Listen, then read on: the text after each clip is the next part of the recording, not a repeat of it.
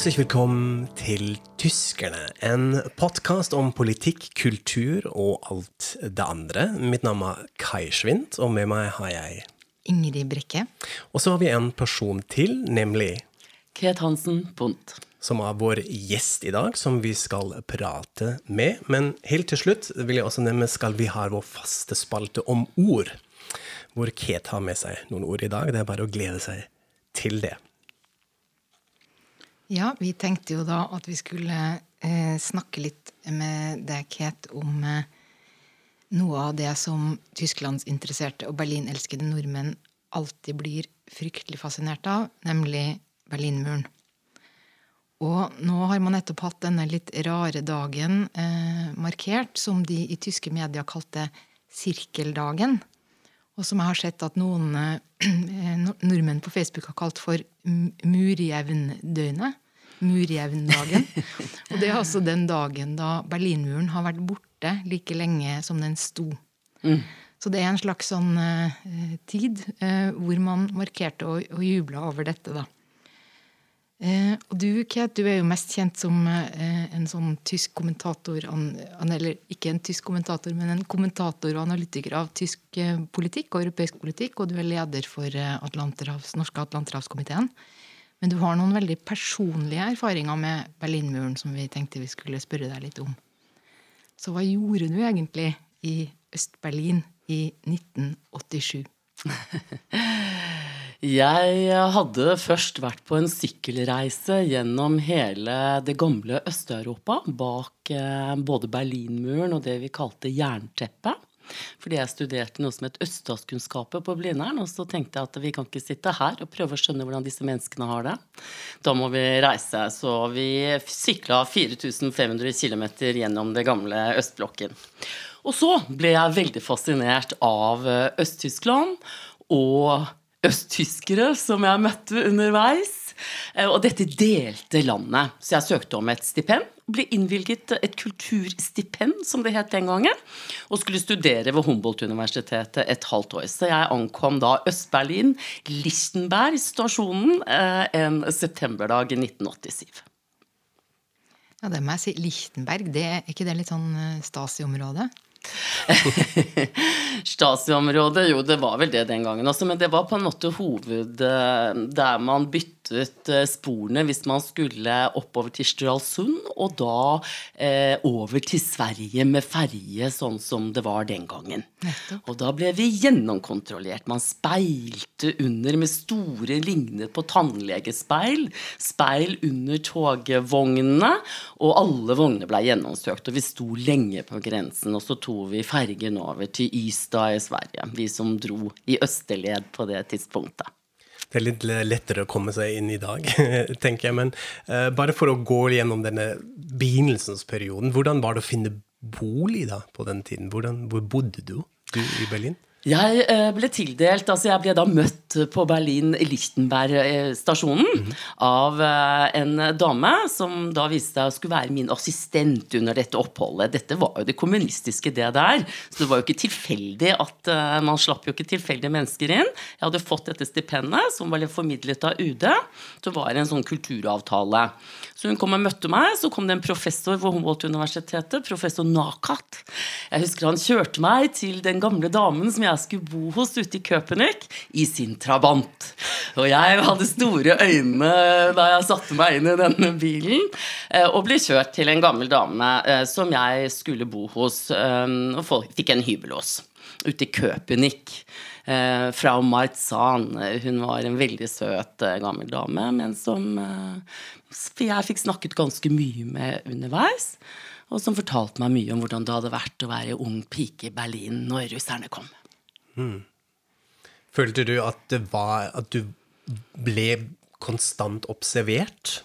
Og at du ble rapportert om hva du drev med, hva man gjorde? Eller føltes det egentlig ikke så annerledes enn å være i Norge? Eller det føltes veldig annerledes. Ja, okay. Jeg mm. var eh, konstant overvåket. Jeg har min egen Stasi-mappe, som DDR-borgerne hadde. Jeg ble arrestert to ganger.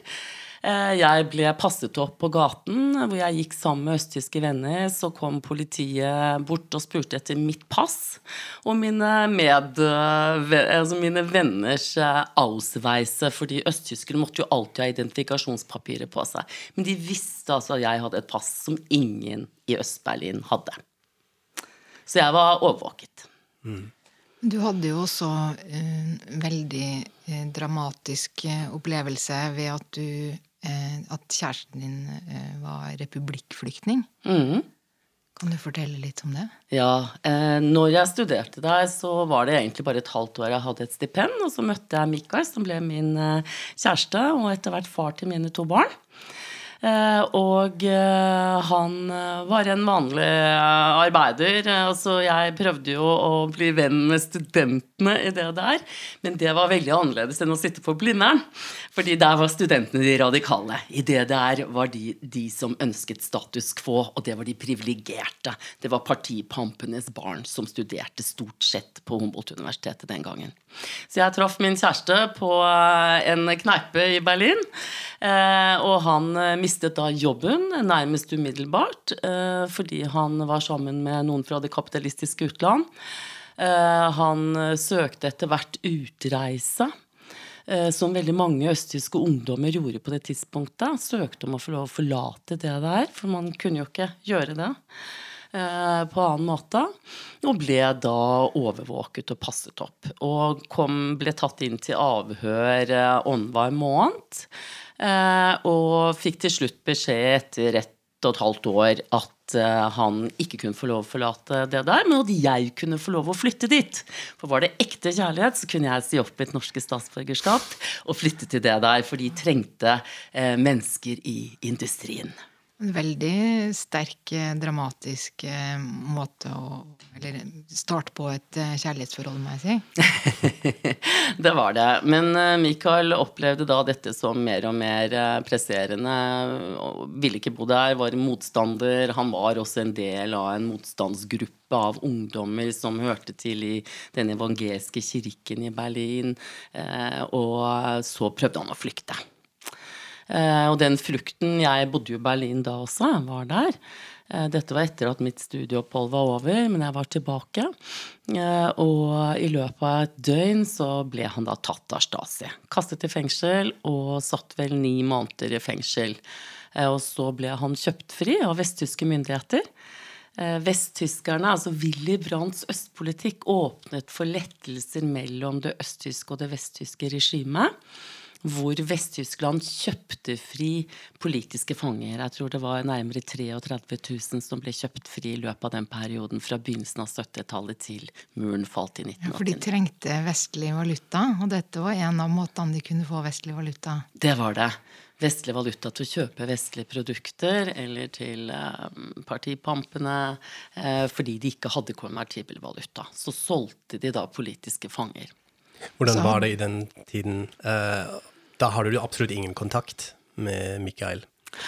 Nei, det jeg ja. gjorde, da ja. eh, Fordi mm. jeg satt i Berlin i en eh, nedrivningsgård i Prenzlauer Berg sammen med noen venner, eh, hvor han eh, ble tatt. Og jeg oppsøkte da Erik Honecker, som var statssjef i det der på det tidspunktet. Han hadde en advokat som bisto salget av politiske fanger, doktor Fogel. Han holdt også til i Lichtenberg, det første stedet jeg ankom. Så jeg dro dit dagen etterpå eh, og prøvde å selge kjæresten min. Eh, jeg kom inn i et stort venterom hvor det satt fullt av gamle damer, og det var nesten som om det var mødre med sønner som hadde prøvd å flykte. Og så tenkte jeg her kommer jeg til å sitte lenge, men jeg ble da kalt inn med en gang, for jeg hadde da mitt skandinavisk klingende navn. Og eh, der ante man sikkert at her kunne man få noen penger. Så jeg snakket da med advokaten og spurte om han kunne ta denne saken, og det skulle han gjøre. Så jeg fikk smuglet inn gjennom noen venner jeg hadde på Institutt for menneskerettigheter, som satte et stempel på en pakke. Vitaminer, sjokolade, kaffe, sokker, plaster, noen sånne ting eh, i en pakke som jeg sendte til han. Eh, to ganger i løpet av det oppholdet. Men vitaminene hadde de da plukket ut. Ja.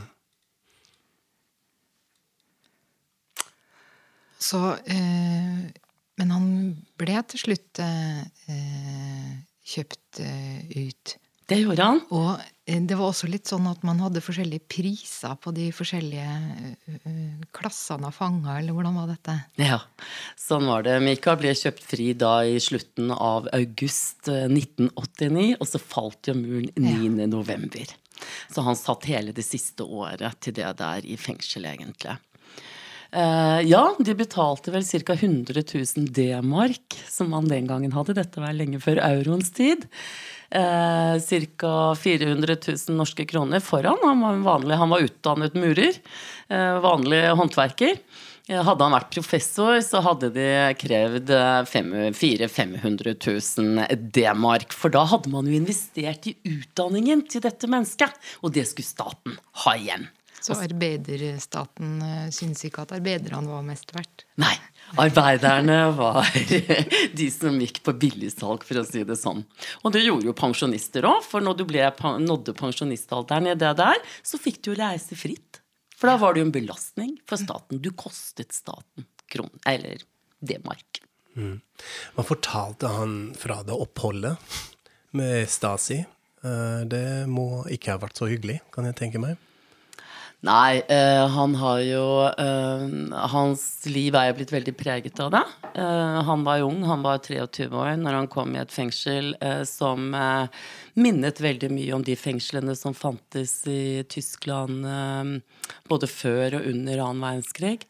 de måtte jobbe, det var arbeidsleire. Uh, uten noen form for sikkerhet. Uh, og han var nederst på rangstigen. Han hadde gule renner langs buksene sine fordi han var politisk fange. Og i hver celle hvor det satt politiske fanger, så satte de voldsfanger, straffekriminelle, til å passe på. Så det var en ganske Ikke noe spesielt hyggelig opphold. Samtidig uh, så etter at han kom ut, så er det klart så bygget han sitt liv. Han kom etter hvert til Norge. Eh, men 10-15 år etterpå så fikk han såkalt posttraumatiske lidelser. Fordi disse tingene kommer tilbake. Mm. Og det preger veldig mange av de som satt i Stasi-fengsler ja. Eh, under det der regimet. Mm. Så dette regimet lever fortsatt i hodene på folk. Mm. Det er også noe som man egentlig nå begynne å kartlegge litt mer enn man har gjort før.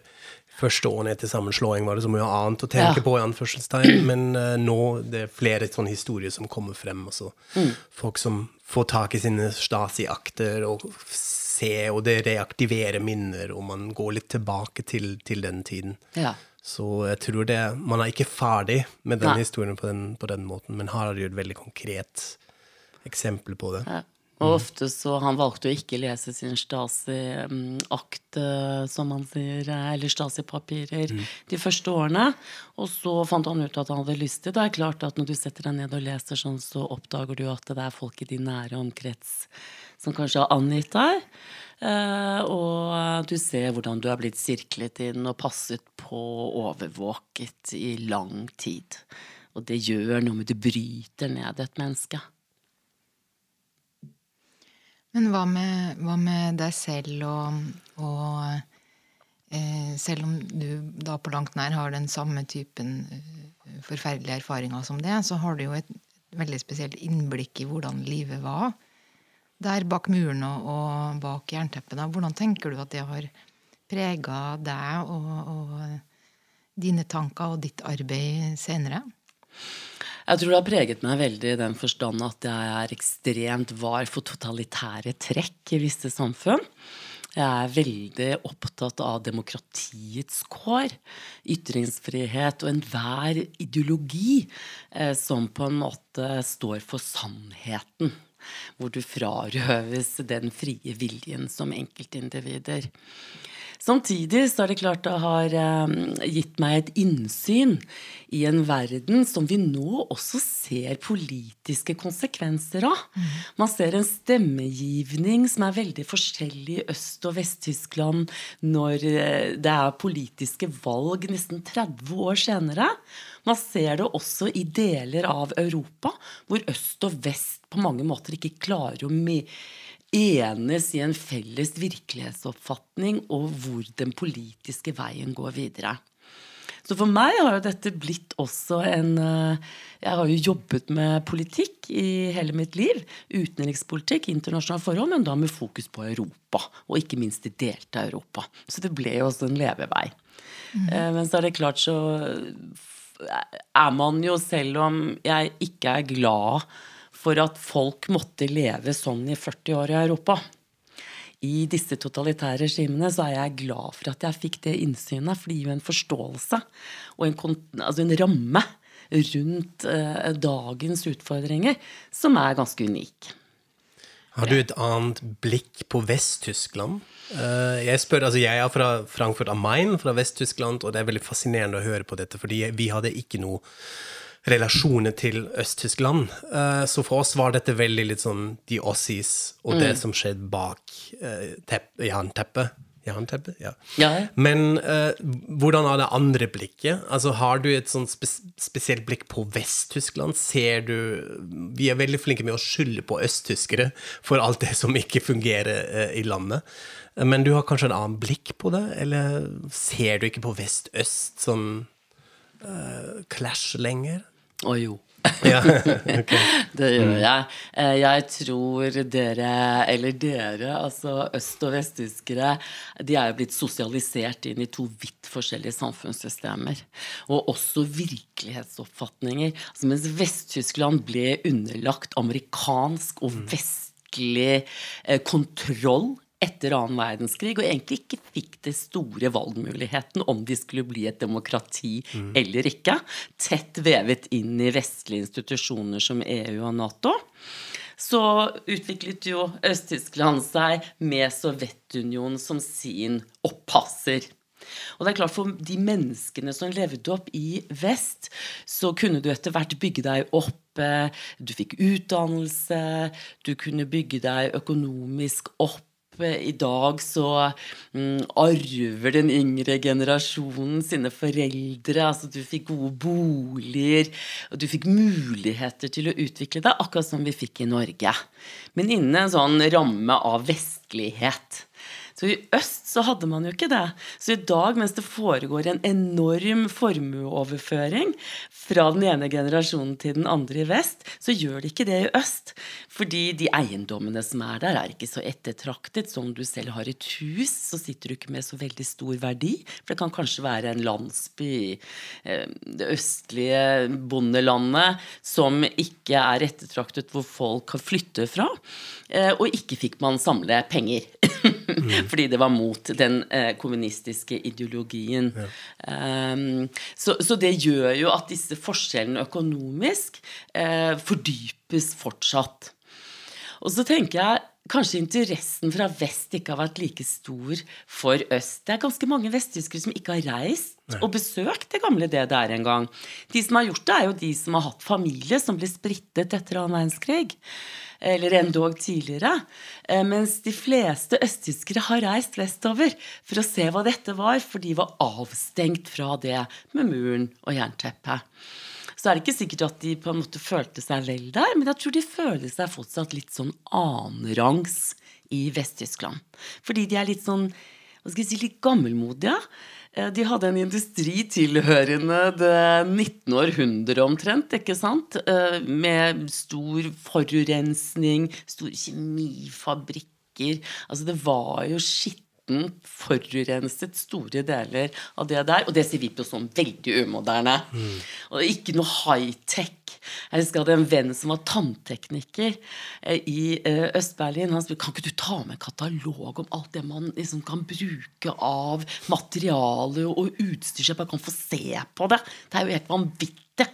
Og de satt og gjorde ting som min far kunne fortelle som han stelte tennene på 50-tallet i Norge. Mm. Så det er klart at de følte seg umoderne også. Og det rare er jo det at dette ikke har utjevnet seg i løpet av de 27 årene som er gått siden muren falt. Eh, men det virker som om det på en måte pløyes ned igjen i neste generasjon. Selvsagt med masse unntak. Mange som har klart seg godt. Men mange av de store tyske bedriftene har heller ikke slått rot i det gamle det det er. man har ikke bygget ut den moderne teknologien på samme måte.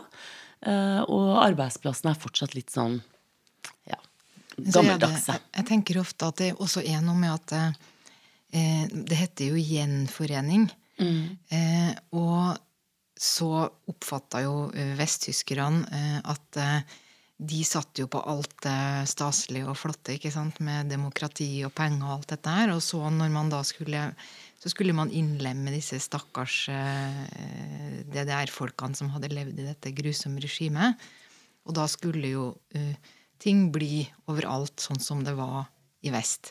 Og i begynnelsen var man kanskje glad og takknemlig og syntes at dette var stas. ikke sant? Og så opplever jeg i dag at det er en, en slags bitterhet over at men vi hadde jo også noe å gi, mm. men ingen var jo interessert.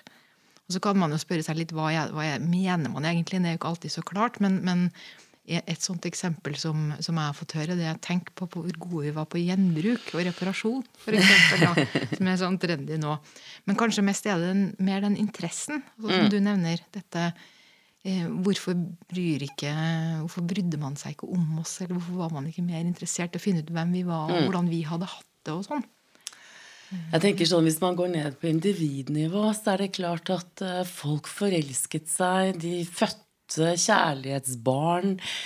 De jobbet med ting de var interessert i. De levde normale liv. De gikk på kneipa med vennene sine.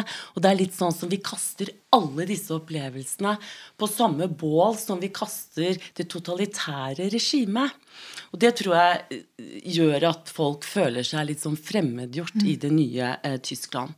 Jeg tenker på mor til min eh, senere mann. Hun var født i 1936. Hun gikk på skole under Hitler, eller vokste opp under Hitler i Berlin. Og så ble hun en del av DDR. De bodde faktisk i Vest-Berlin inntil sommeren 1961. Eh, og da var jo grensen åpen.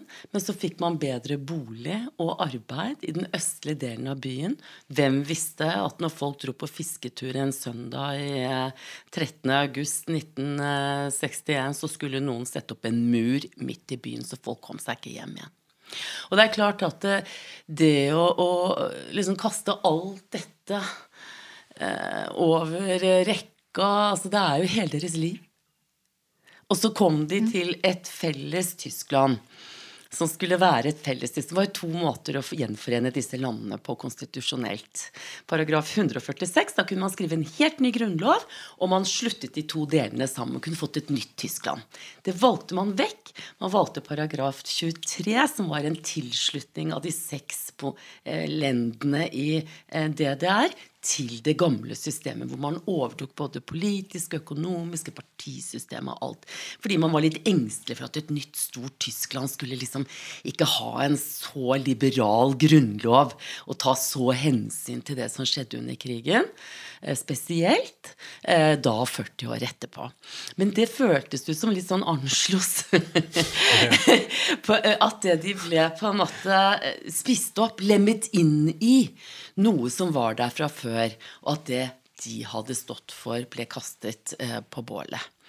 Eh, og det er klart at eh, også folk som var motstandere av overvåkingssamfunnet, det totalitære regimet, eh, hadde jo på en måte levd rike liv, da. Mm. Ja. Og i, akkurat i disse dager så er det nok en gang en slags debatt om eh, rollen til de som kommer østfra, nemlig hvorfor er det så få toppolitikere? Eh, og kan det hende at man får en regjering hvor det ikke er noen østtyskere? Og nå har man jo selvsagt Angela Merkel. Men i, i det tidligere DDR så er det jo ganske mange som føler at hun egentlig ikke er en av dem.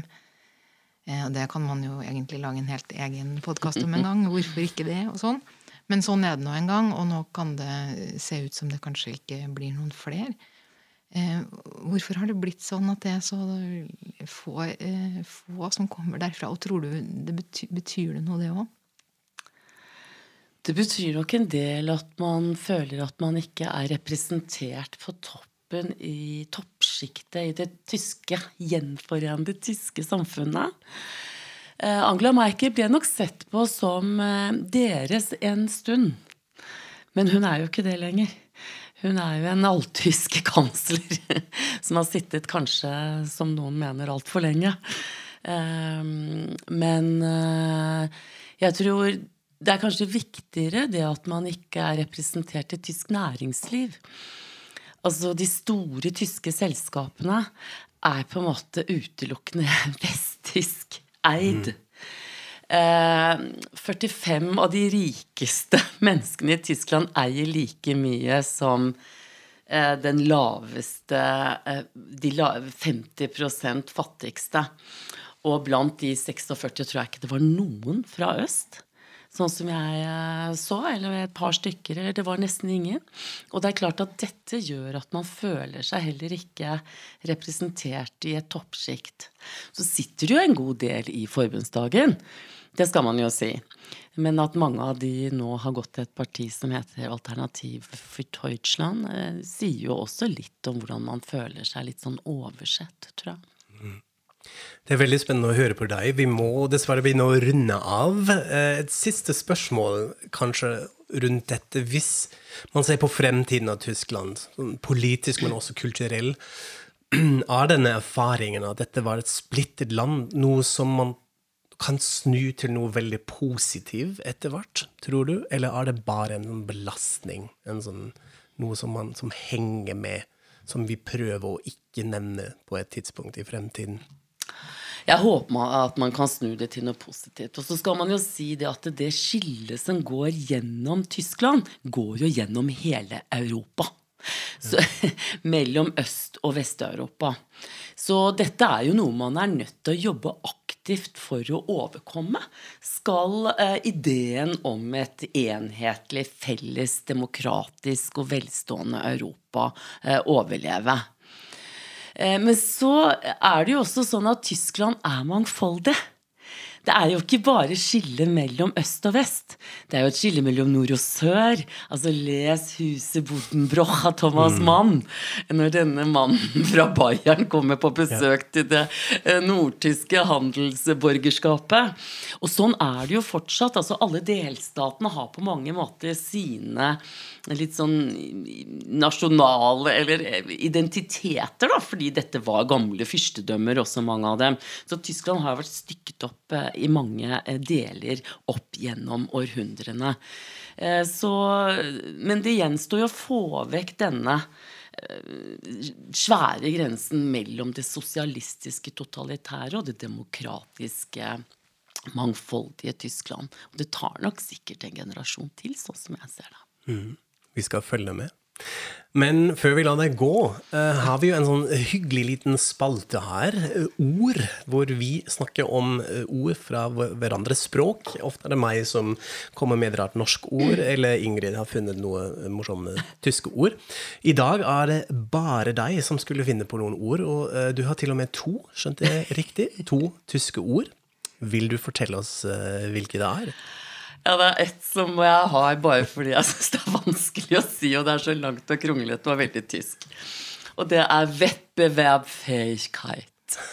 ja, veldig fint. Det er bra uttale. Ja, det betyr konkurranseevne. Så det er egentlig ikke innholdet. Og så har jeg ett som er viktig fordi det har et politisk, genuint tysk politisk innhold. Og det er at man har altså et verb for å lage koalisjonsregjeringer. Zu koalieren. Mm -hmm. Og det er veldig unikt tysk. Mm -hmm. Så det går ikke på norsk å koalere? Nei, Nei det mm. sier man ikke. okay. Man samarbeider og forhandler om å få til en koalisjon, sier man i Norge. Mm. Ja, det er veldig fint, og det, det, kan vi også. Altså, vi er jo kjent for å lage sånne monster, eller store substantiver, men vi kan også snu substantiver ja. til verber, eh, som er en fin ting. Kanskje litt metaforsk òg. at vi fikk det til. Det er et morsomt ord. Ja, veldig bra. Tusen takk, Kate. Eh, veldig spennende å ha deg på besøk her. Eh, veldig gøy. Men da runder vi av. Vi eh, snakkes en annen gang. Vi må også si takk til vår lydtekniker Tobias Østerdal ved Westerdalshøgskolen, hvor vi spiller dette inn. Takk til deg, Ingrid. Takk til meg, og auf Wiederhören. auf Wiederhören.